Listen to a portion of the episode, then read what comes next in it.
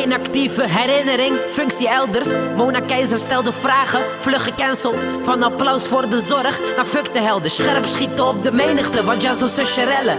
Mensen claimen woke te zijn, maar slapen rustig verder. Ik vraag me af, hoe moet ik jullie uit die bubbel trekken? Jongen, blijf op Rutte stemmen, de kudde mekkert alleen maar als ze geen vakantie of een feestje kunnen hebben. Hypnose, overgave aan de overheid. Blind vertrouwen in een overheid die openlijk scheidt op hun onderdanen.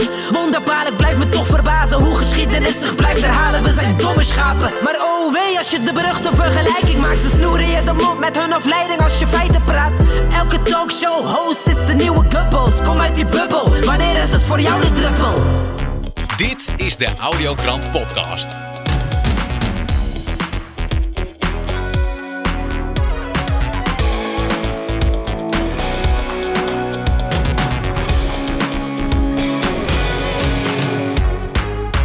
Fijn dat je luistert naar de Audiokrant.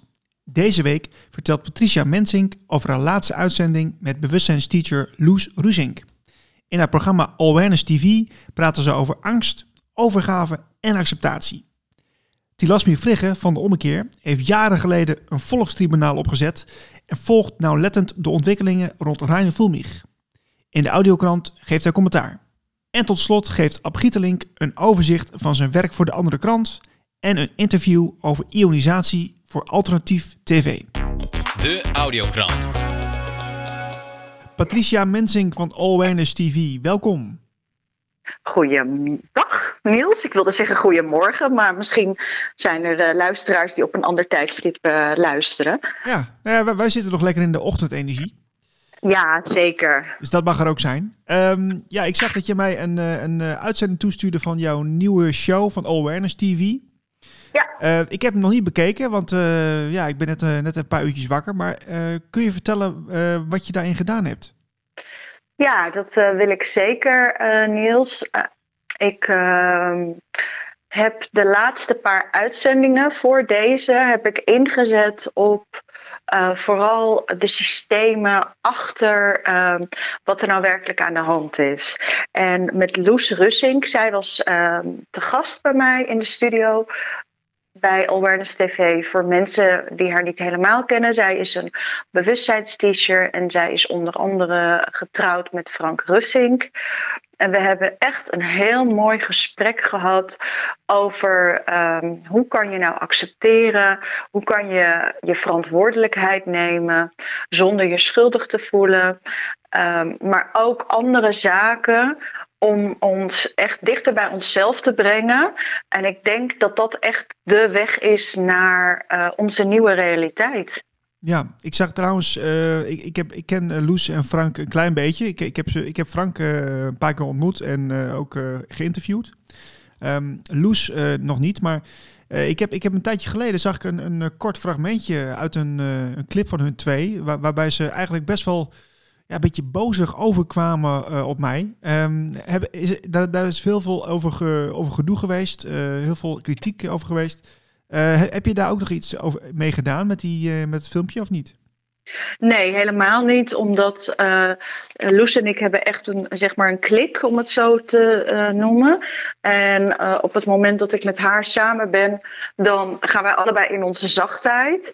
En gaat het niet meer om ons gaat het ook niet meer om de ander. Gaat het eigenlijk alleen maar om welke boodschap kunnen we eventueel meegeven aan, uh, ja, aan mensen om, als ondersteuning. Ja, want het is natuurlijk best, het is best een uitdagende tijd hoor. Dat vind ik zelf ook. Omdat je natuurlijk heel veel dingen leest waar je wel eens uh, emotioneel over kunt raken. En dat is de, de, de, ja, volgens mij is het wel de uitdaging om daar ja, toch op een liefdevolle manier mee om te gaan. Ja, en vooral om heel dicht bij jezelf te blijven. En um, ik zei net tegen jou, zelfs mijn meest kritische kijkers, die, die waren onder de indruk van de uitzending. Het is echt een heel mooi gesprek geworden. Ik raad het echt aan, omdat we ook uh, een paar dingen uitleggen over. Um, waar waar je bent op het moment dat je zeg maar blijft vasthouden. En ook uh, wat er gebeurt op het moment dat je eigenlijk loslaat. En dat is wel de fase waarin ik uh, ja, wil doorgaan. Ik heb uh, volgende week ook een bijzondere, een bekende Amerikaanse man. Hij is ook heel ver als een soort ook een bewustzijnsteacher. Ik denk dat het nu tijd is, want zoals je weet, Niels, ik ben natuurlijk net als jij, we zijn al zo lang bezig, hebben zoveel informatie gegeven over de feiten, maar nu is het tijd om, ehm, ja, om mensen gewoon uh, voor te bereiden op wat er gaat komen. En dat is, dat is best pittig. Ja. Ja, kijk, en, iedereen zit ook weer zijn eigen proces. Hè? Ik, eh, ik heb er ook absoluut, over, over getweet uh, deze week van ja, uh, heb een beetje begrip voor elkaar. Want ja, niet iedereen is zo ver als je dan over ver of niet ver praat. Het is toch even taal die ik nodig heb om dingen uit te leggen. Maar het is, het is toch, ja, heb een beetje respect voor elkaar. Want, want niet iedereen ziet het al. En dat is helemaal niet erg. Maar het, het, het kan wel heel, voor heel vervelende situaties creëren als je ja, als je elkaar daar zeg maar op wijst van ja, zie je dat dan niet of boos wordt, dat, dat helpt elkaar natuurlijk niet. Nee, klopt. En dat is, uh, dat is wat er natuurlijk gebeurt nu. Je ziet alleen maar jij doet en jij dat. En ja, ik denk dat we daar niks aan hebben. Um, de tijd van voor mij persoonlijk, maar dan spreek ik vanuit echt persoonlijke titel, is mensen wakker maken, is voor mij um, geen optie meer. Voor mij is het, mochten mensen wakker worden nog nu, nou heel fijn, willen we ze echt ondersteunen. Uh, op dit moment is het uh, voor mij uh, echt mensen die wakker zijn of die zeggen: Goh, help mij alsjeblieft naar het volgende level. Um, daar wil ik bij ondersteunen. En echt vanuit liefde en ook niet meer vanuit boosheid. En ik denk ook dat het goed is, zoals jij ook, ik draag nergens een, een, een mondkap, dat doe ik heel bewust. En um, ik glimlach ook gewoon naar mensen. En ook als mensen uh, het moeilijk vinden, want dat, dat is hun proces. Dat is niet mijn proces. Daar heb ik niks mee te maken. En dat is wat we doen. We nemen alles allemaal heel erg persoonlijk. Ja. Terwijl, en ik denk dat dat echt wat mij betreft gewoon uh, mijn uh, tip van de dag is. Als ik dat zo mag zeggen.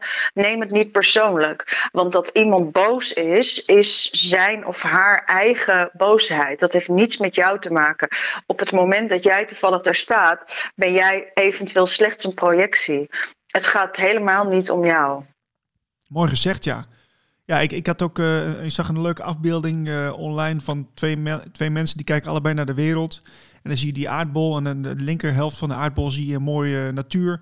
En de rechter aardbol uh, zie je heel veel ellende en geweld. En iedereen kijkt weer op zijn eigen manier naar die aardbol. En dat is de, de, de, ja, de perceptie die iedereen persoonlijk heeft van, van zijn of haar wereld ja, die is bepalend voor ja, hoe je reageert natuurlijk. Absoluut, absoluut. En ook dat, en, en, en voor mij is het ook hè, soms nog heel lastig, want het is echt niet zo dat ik de hele tijd in een soort hoge staat zit. Um, maar ik probeer wel uh, dat ik echt denk: nee, nee. Die, en wat bijvoorbeeld ook dat je kan zeggen: nee, dat cadeautje neem ik niet aan. Nee, voor jezelf, in je hoofd. Ja, precies. Ik, ik merk ook bij mezelf dat ik, ik heb ook wel een aantal onderwerpen waar ik ook getriggerd uh, door raak. Hè? Dat je dan dat, dat, je dat uh, ziet of dat je dat merkt van hé, hey, nu ga ik aan op een onderwerp of op, op, een bepaalde persoon of een bepaalde opmerking. En dat je dat dan in plaats van dat je erop afvliegt en je gaat uh, iets, iets vervelends typen of schreeuwen, dat je dan even observeert en denkt hé, hey, wacht even, wat gebeurt hier nou eigenlijk bij mij? Ja, absoluut. En ik denk dat dat gewoon uh, het belangrijkste is. Dat je echt gewoon rustig blijft bij jezelf. Gewoon rustig. En eigenlijk, um, ook als je bijvoorbeeld mensen ziet die buiten op de fiets in de regen, een mondkapje en plastic handschoenen en ook nog eens 50 kilo te zwaar en ook nog gewoon oud en waarschijnlijk al net drie prikken hebben gehad, stuur een beetje liefde. Want hoe, hoe angstig zullen deze mensen wel niet zijn? Hoe bang? Dus dat is, ik ga er eens met andere ogen naar kijken. Ja, ja mooi. Ik, ik ben heel benieuwd naar het gesprek eigenlijk. Uh, ik ga het zo even, ja. even checken. Uh, en uh, want, want die Loes Rusink, waar we het over hebben, die heeft ook een boekje uitgebracht samen ja. met Frank, hè, kort geleden. Ja, ja, klopt. Uh, liefdevol rebelleren. Ze geven ook webinars. Ze zijn nu ook uh, best ver, ook met uh, bijvoorbeeld thuisstudie voor de kinderen. Ja, het is een heel interessant stel om in de, in de gaten te houden. Absoluut. ze, ze doen veel. Ze, ze geven veel terug ook aan de community en ook dingen waar op dit moment behoefte aan is. En ik denk dat het allemaal is om die nieuwe wereld te gaan creëren met elkaar. Want het kan niet anders. Ik kan me trouwens wel voorstellen dat als je dat als, als, um, als stel doet, dat dat ook wel een beetje druk legt op de relatie. Vast wel, maar dat, daar heb ik het niet met haar over gehad. Dus ik zou het echt niet weten. Nee, lieve schat, dan moet je haar echt zelf interviewen. Ik, uh, ja, ik, wat ik al eerder zei, ik mag haar echt heel erg graag. Ik heb haar uh, eerder geïnterviewd. En ja, wij, wij zeggen altijd, wij, wij zitten op dezelfde resonantie samen. Dus, en dat zul je ook wel zien in het gesprek morgen. Gaaf zeg, dat kunnen we allemaal terugzien op Awareness TV. Hè? De, op YouTube ja. is dat ook? Ja, ja op, op YouTube en uh, op awareness.org. En uh, de uitzending staat inderdaad ook op YouTube, klopt. En natuurlijk op Salto. En op donderdag wordt die herhaald via Salto 1 om 10 uur in de ochtend. De uitzending duurt ongeveer 50 minuten. Je hoeft hem niet per se te bekijken, je kan hem ook gewoon lekker luisteren. Ik denk dat dat gewoon ook nog veel intenser is. Gaaf, we zitten midden in jullie, uh, jullie bubbel eigenlijk, hè? jullie spirituele bubbel, ja. kan ik het zo zeggen? Zeker weten, ja, absoluut. Dus nou, ik ben heel benieuwd, Niels, wat je ervan vindt. En ook voor jullie natuurlijk, voor alle luisteraars. En nogmaals, uh, blijf rustig. Stuur een beetje liefde naar alle mensen die het nodig hebben. En wees vooral extra lief voor jezelf. Ja, nou, uit ervaring kan ik wel zeggen, als de, de meest kritische luisteraar uh, positief is, dan is het een hele goede uitzending hoor. En geloof mij maar, die, die, die is kritisch. Er zijn er meerdere. Dat ik echt, uh, want je weet zelf hoe dat gaat. Zoals me, wij maken natuurlijk al heel lang, uh, ja, jij ook radio en tv. En je hebt altijd mensen die zeggen, ja, ja, ja ik had het toch anders gedaan. Ja, ja, ja. ja. het is nooit goed genoeg, het is nooit goed genoeg. Zeker. Patricia, goed, dank voor je tijd hè. Ja, graag gedaan. Tilasmi Frigge van de Ommekeer, welkom in de show. Ja, hi Niels. Uh, leuk er weer te zijn. Ja, er is weer veel gebeurd. Uh, jij uh, hebt zo je eigen kijk op hoe de zaken lopen in de wereld. En dat vind ik altijd heel interessant om over te hebben. Um, ja, we, we, we, zitten in een, in een fase waarin, waarin heel veel gesproken wordt over tribunalen. nu ben ik daar een beetje voorzichtig mee, maar ik, ik weet uit betrouwbare bron dat jij ook een soort volkstribunaal hebt opgezet ooit, hè? Nou ja, betrouwbare bron. ja, het Volkstribunaal. Acht jaar geleden hebben wij een, eh, een, eh, rechtspraak op basis van de mensenrechten opgezet. Uh, die website is nog te vinden op volkstribunaal.net. En daarin wilden wij laten zien hoe je zelf dus een rechtspraak kan voeren. En wij vinden dat, dat de monopolie die de staat heeft op het spreken van recht, dat vinden wij fout. hoofdzakelijk omdat de mensenrechten bij al onze wet en regelgeving met voeten worden getreden. Uh, het, we zijn eigenlijk weer begonnen dat, uh, het volkstribunaal op te zetten, omdat we in ons het schoonmaakproces hè, van, van oude een heling in onze lichaam en onze geest en onze ziel opgeruimd te krijgen, kwamen we erachter dat de staat de grootste ziekte veroorzaakte, de grootste stress veroorzaakte in ons systeem. En toen zijn we gaan kijken naar hoe dat kwam. En toen zagen we dus dat de regels onmenselijk zijn die worden gemaakt. Mm-hmm. En daarop hebben we, op basis daarvan hebben we Volksjournaal uh, opgericht. Op basis van de mensenrechten, wat de basis is van alle rechten, alle wetten die een staat maakt of zou moeten zijn. Hè? Ja. ja, nu is het zo Want, dat. Wat, ja. ja, wat, je aan een staat die jouw mensenrechten continu schendt onder voorwaarden stelt? Hè, dat, uh, die is er om die mensenrechten te beschermen. En alles eromheen moet daarvoor uh, dienend zijn. En wij komen daar, zijn achterkomen dat het niet werken.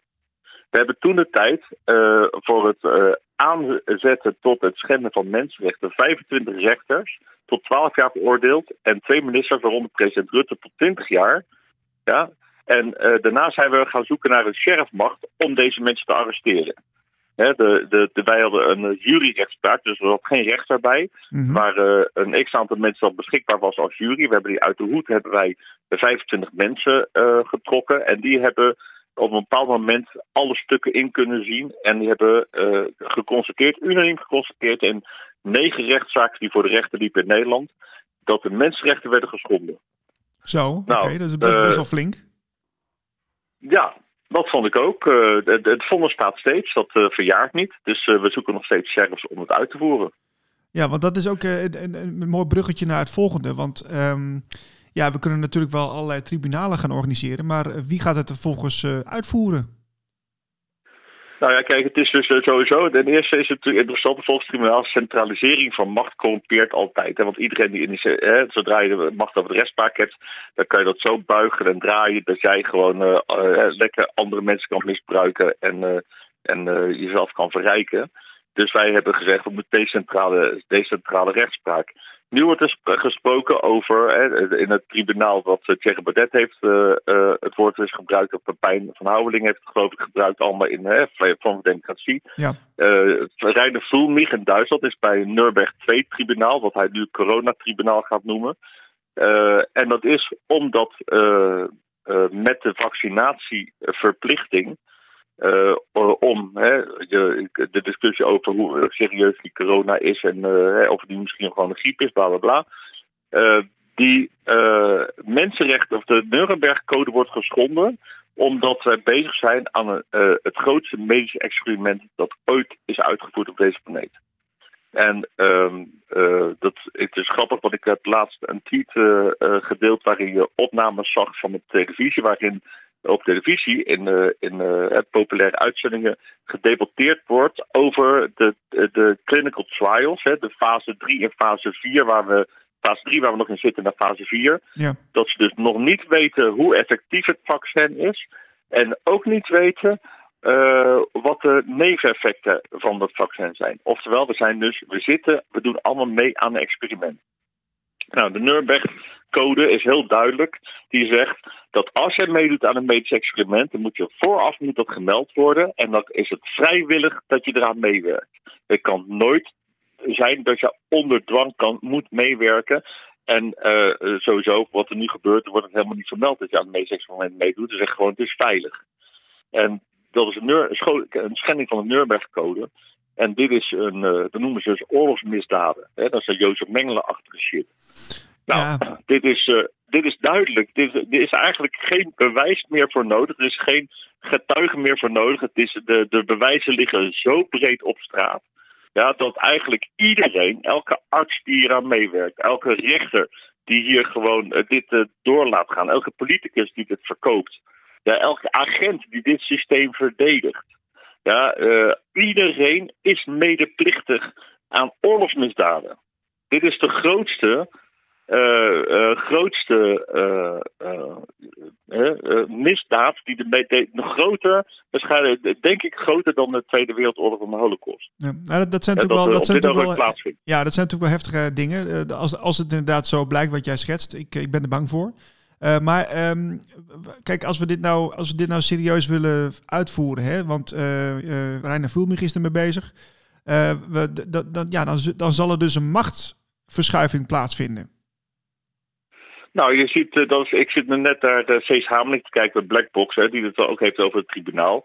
En die, hij, de zijn vraag is, ja, waar haal je dan minimaal zeven mensen met een, een hoog moreel en ethisch besef die als rechter en jury gaan functioneren in een tribunaal in Nederland. Uh, en dat, uh, dat is allemaal leuk en aardig. En ik stel de volgende vraag, want dat hebben we het Volkstribunaal ook gezien. Wie gaat het vonnis uitvoeren? He, want je kan uiteindelijk met zo'n vonnis best wel uh, gaan lopen wapperen, maar de hele media die negeert je. Mhm. Mm -hmm. en de politiek maakt je belachelijk. En je komt dus helemaal net bij het buitenparlementair onderzoekscommissie en uh, al die andere dingen die al zijn gebeurd, worden gewoon compleet genegeerd. Uh, dus dat uh, de macht om deze misdadigers, deze georganiseerde maffia, om die op te pakken en het vonnis uit te voeren. Want voor oorlogsmisdaden, dat is de Tweede Wereldoorlog was duidelijk, was gewoon doodstraf. Ja, maar even, even, even was... wat, wat, wat, we veel zien, hè? dat hebben we ook in de, met de Amerikaanse verkiezingen gezien. De, de, de, de grote mediabedrijven, CNN, die, die zenden uit hè, het moment van wie de president is geworden. De, de, in Nederland worden ook de belangrijke momenten uitgezonden door de media, die hebben dat in handen. Maar dus maar eigenlijk zeggen we dus, we, we, legitimeren eigenlijk de media als, als, als, um, als, als degene die, dat, die, die de waarheid verkondigt. Uh, zo belangrijk maken we ze nog steeds. Is dat dan niet, niet ook een beetje aan onszelf te wijten dat we nog steeds vanuit het oude denken handelen? Van de media die, die, die, heeft, die, die heeft die blijkbaar die positie. En die, die, ja, daar wijken we niet vanaf. Als we gewoon als bevolking dat gewoon doen, dan is het toch ook legitiem? Nou, eventjes, hè. Kijk, het leuk dat steeds Havelijk begint ermee hè, dat, uh, dat de mensheid niet slecht is, maar laf. En ik denk dat de mensheid gewoon niet alleen maar laf is, ook lui. Hè, is, uh, wij kunnen niet vanuit het democratisch principe een antwoord geven op deze georganiseerde misdaad die gaande is. Ja, daar, dat is niet mogelijk. De media en de, uh, is, uh, en de politiek en, de, en die wetenschappers die erin meewerken in het hele verhaal, ja, die, die, uh, die, hebben, die hebben het hele zootje in handen. Die houden dat heel strak, hè, dat kartel in de politiek ook. Mm. Die zorgen gewoon dat er niks tussen kan komen. Het kan alleen maar als de bevolking zelf, hè, die dat deel dat wakker is, ja, gewoon op een gegeven moment zegt: ja, maar dit kan niet meer. En uh, dus eigenlijk zelf in actie komt. Ja, precies. Ongeacht het democratisch proces. Ja, nee, dat, dat, dat is precies wat ik ook bedoel. Maar dan, dan, uh, ja, dan is het wachten dus op, op, de, op de massa, dus eigenlijk zeg je. Uh, ik denk dat, dat er een. ik ik heb het idee dat het is geen massa ik denk dat de mensen die zich verantwoordelijk voelen voor de kinderen van deze planeet actie moeten gaan ondernemen. He, want het niets doen, he, dus uh, dan uh, gaan, gaat alles naar de tering. Ja. Want uh, we kunnen demonstreren, debatteren, rechtszaken, het werkt allemaal niet. He, die, dit Nuremberg-tribunaal, dat Kijk, het, het grappige is, want wij, de, de, ook de mensen die geprikt zijn, die beginnen nu, hè, wat nog een boostershot, en die beginnen ook wel een beetje te morren. En wat zie je, en dat heb ik ook alweer jaren geleden voorspeld, toen ik doorhad hoe dat geld gecreëerd wordt en de bankiers in 2008 zichtbaar werden als uh, de grote boosdoener. Die wilden niet een nieuwe boosdoener worden, die zouden andere crisis gaan, uh, gaan bedenken. En dat is klimaat, immigratiecrisis, klimaatcrisis, en Nederland als stikstofcrisis bij, corona. En nu, ze hebben dus een legermacht, Oekraïne begint dus Oost-Oekraïne te beschieten, Rusland staat aan de andere kant van de grens. En dan, zei, dan is er dus een. Uh, ja, ik ken de man nog niet. Hij zit heel hoog in de EU. Hij zit in een denktank. hij heeft 670.000 volgers. En die zegt gewoon, uh, ja, Rusland, uh, als Rusland gaat aanvallen uh, om Oost-Oekraïne, dan pakken ze heel Oekraïne in. En dan wordt er een oorlog met Europa. En deze bom ligt te wachten. Als wij te wakker worden, dan wordt die geactiveerd. Dan gaan ze gewoon die Oekraïners, die geven ze een signaal, pak Oost-Oekraïne in en dan stort Rusland erin. En dan zitten we dus in een, oorlogs, wereld, een nieuwe wereldoorlog. En dit is uh, de manier waarop zij hun crisissen continu onder het tapijt vegen door een nog grotere crisis erbovenop te gooien. Okay. Ja, we hebben gewoon echt ontzettend weinig tijd. Want elk moment dat wij wachten en uitstellen en denken dat iemand ons komt redden, ja, dat is een verloren, uh, verloren tijd. Absoluut verloren tijd. Er is gewoon geen tijd. Deze, de misdaden zijn bekend. Je hebt geen Nuremberg-tribunaal de uh, Voel meer nodig.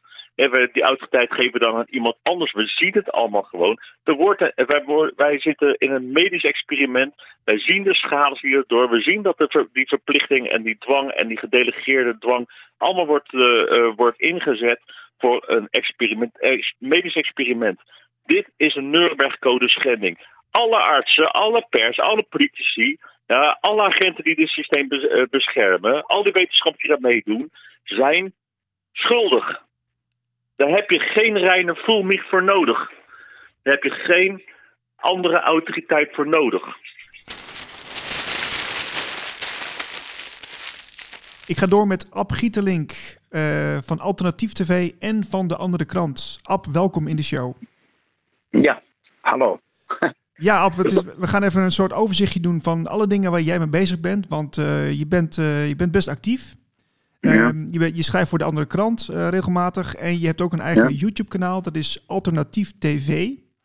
Ja. Um, zullen we eens beginnen bij de krant, wat je, wat je daarvoor geschreven hebt?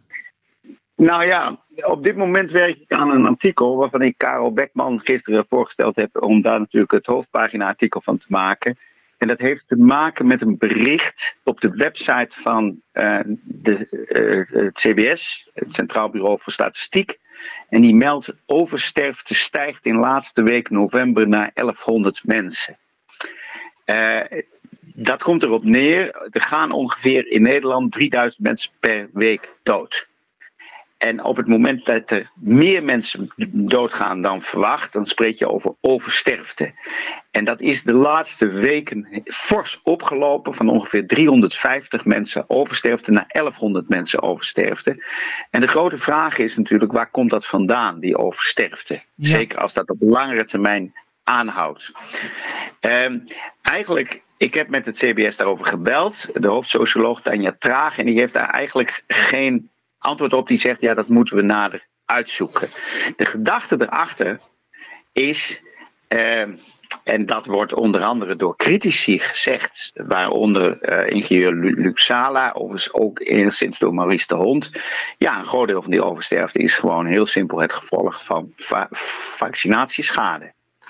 Eh, hè? eh, Maurice zegt het iets eh, genuanceerder. Die zegt: Als je ervan uitgaat dat er 1100 mensen meer doodgaan vorige week. en er zijn maar 350 eh, eh, COVID-doden. dan blijven er dus 800 doden over waar je geen verklaring voor hebt. Ja, En dan kan je van zeggen, waarom sterven die mensen dan? Nou ja, eh, je kunt zeggen uitgestelde zorg. Maar dat is natuurlijk allemaal zeer de vraag of dat zo zwaar eh, ingerekend moet worden.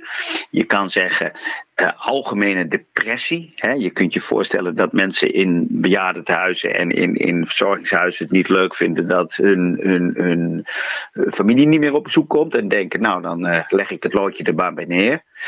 Maar de beste verklaring, en ook eigenlijk deskundigen gaan ervan uit dat dat tegen 75% is. En dat zou dus gaan over 600, 700 mensen alleen vorige week. Ja, is gewoon vaccinatieschade of indirecte vaccinatieschade. Met andere woorden, je hebt vaccinatieschade, eh, je neemt het vaccin en je gaat een paar dagen later dood. mhm. Maar je kan ook het vaccin nemen en vervolgens neemt het immuunsysteem af. En een aantal maanden later gaat iemand dood. Dat zijn meestal natuurlijk wel eh, mensen die ouder zijn en zwakker zijn. Hè. Je moet, je, de, de hoeveelheid mensen die jong is en sterft is gelukkig klein. Maar ook in die groepen is een oversterfte. En dat is natuurlijk een, een, een dramatisch verhaal. En dat hele verhaal van die oversterfte en die vaccinatieschade is eigenlijk, zoals ik het genoemd heb, de olifant in de kamer.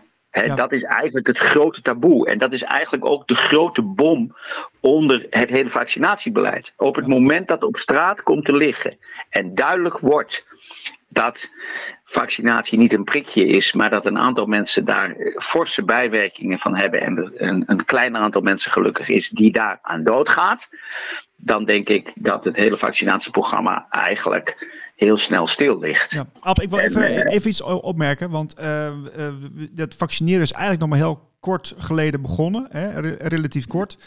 Eh, Ja. als, als we dit nou doortrekken hè, met, met de verwachting van verschillende wetenschappers die zeggen van ja oké, eh, binnen een aantal jaren zullen mensen het loodje leggen eh, vanwege het, het vaccineren. Dan Ja. is, is dit dan het, het, topje van de ijsberg waar we naar zitten te kijken?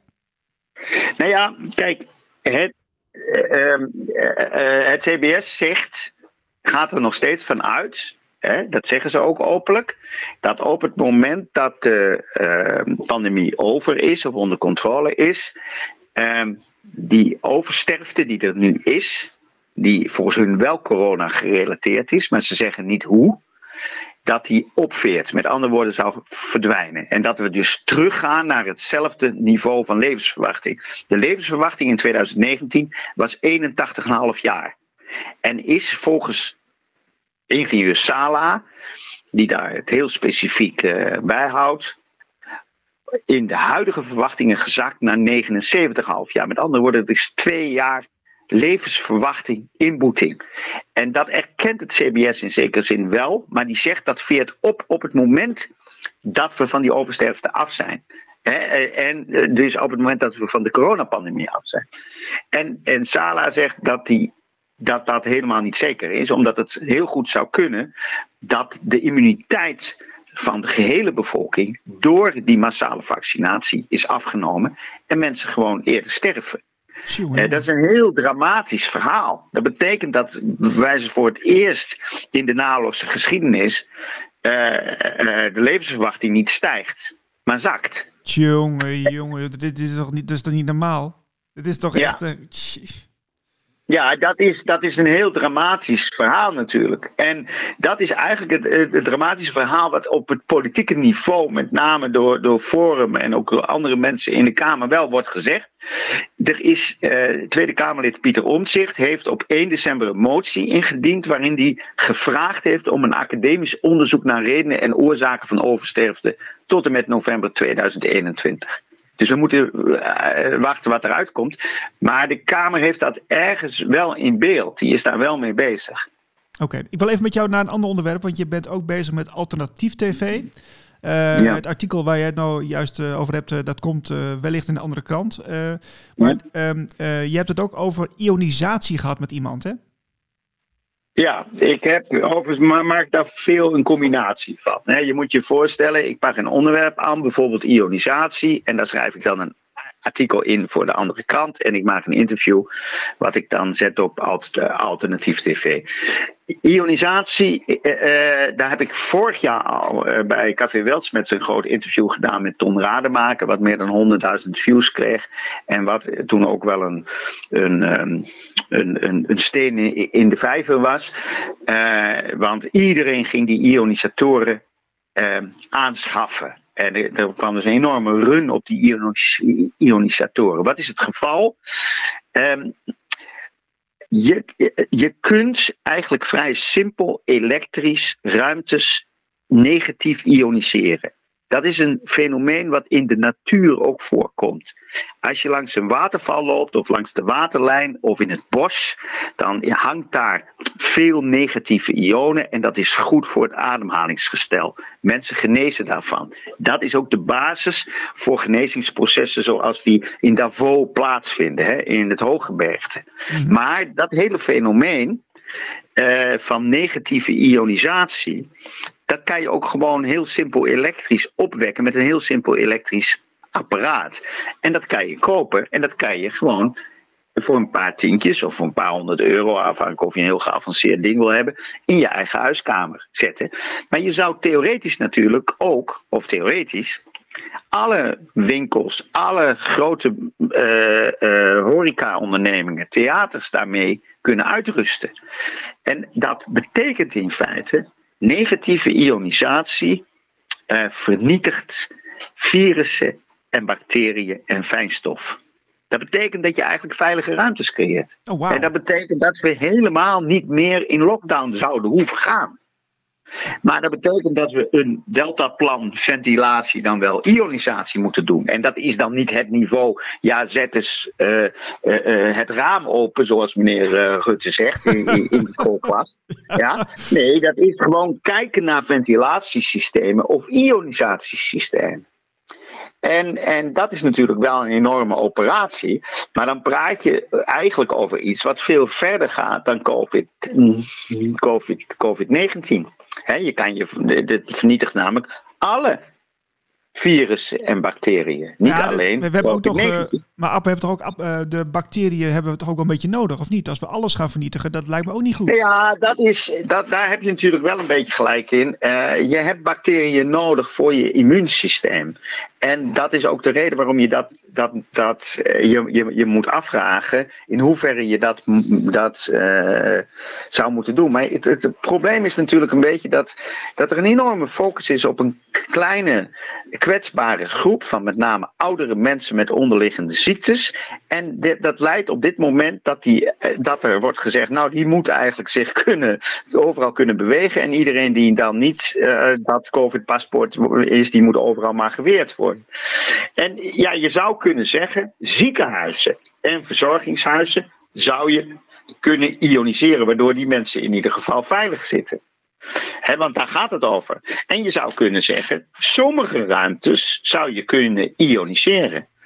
En kijk, het is gewoon zo dat, eh, dat, dat het wel zo is dat als je met een grote groep mensen in een, in een afgesloten ruimte zit en iemand heeft COVID of iemand heeft heeft een andere griep of iemand heeft gewoon verkoudheid, dan kunnen die bacillen zich natuurlijk wel uh, rond gaan zweven en ook andere mensen aansteken. Dat klopt op zichzelf wel. Maar ja, de vraag is hoe erg je dat vindt. Want ja, daar hebben we natuurlijk eeuwenlang eh, mee geleefd. En daar hebben we nooit, nooit, nooit een probleem mee gemaakt. Ja, eh, het is wel zo natuurlijk dat we nu dan te maken hebben met een virus wat mogelijk iets strenger is. En, en eh, er is enorme focus op die groep die daar echt ziek van kan worden, in het ziekenhuis kan komen en eventueel dood aan kan gaan. En ik denk dat je daar oplossingen voor moet, uh, moet zoeken. Ja. Helemaal goed. Uh, Ab, uh, we lezen jou in de andere krant en we kunnen jouw YouTube-kanaal volgen. Alternatief TV voor jouw laatste interview. Ja, oké. Okay. Hartelijk dank. De Audiokrant. Things get to terrible places one tiny step at a time. You know, if I encroach, I, if I encroach on you and I'm sophisticated about it, I'm going to encroach two millimeters. I'm going to encroach right to the point where you start start to protest. Then I'm going to stop. Then I'm going to wait. Then you're going to calm down. Then I'm going to encroach again right to the point where you protest. Then I'm going to stop. Then I'm going to wait. And I'm just going to do that forever. And before you know it, you're going to be back three miles from where you started and you'll have done it one step at a time. And then you'll go, Oh, how'd I get here? And the answer was, Well, I pushed you a little farther than you should have gone. And you agreed. And so then I pushed you a little farther than you should have gone again. And you agreed. And if anybody's interested in this sort of process, and this is a horrifying book, if you want to read about how this process works, you can read a book called Ordinary Men by Robert Browning. We need to wake up, we need to rise up, we need to open our eyes and do it now, now, now. We need to build a better future, and we need to start right now. We are sharing Cause we are caring. Need to get wise, take no more lies and do it now, now, now. We need to build a better future. And we need to start right now. De Audiokrant.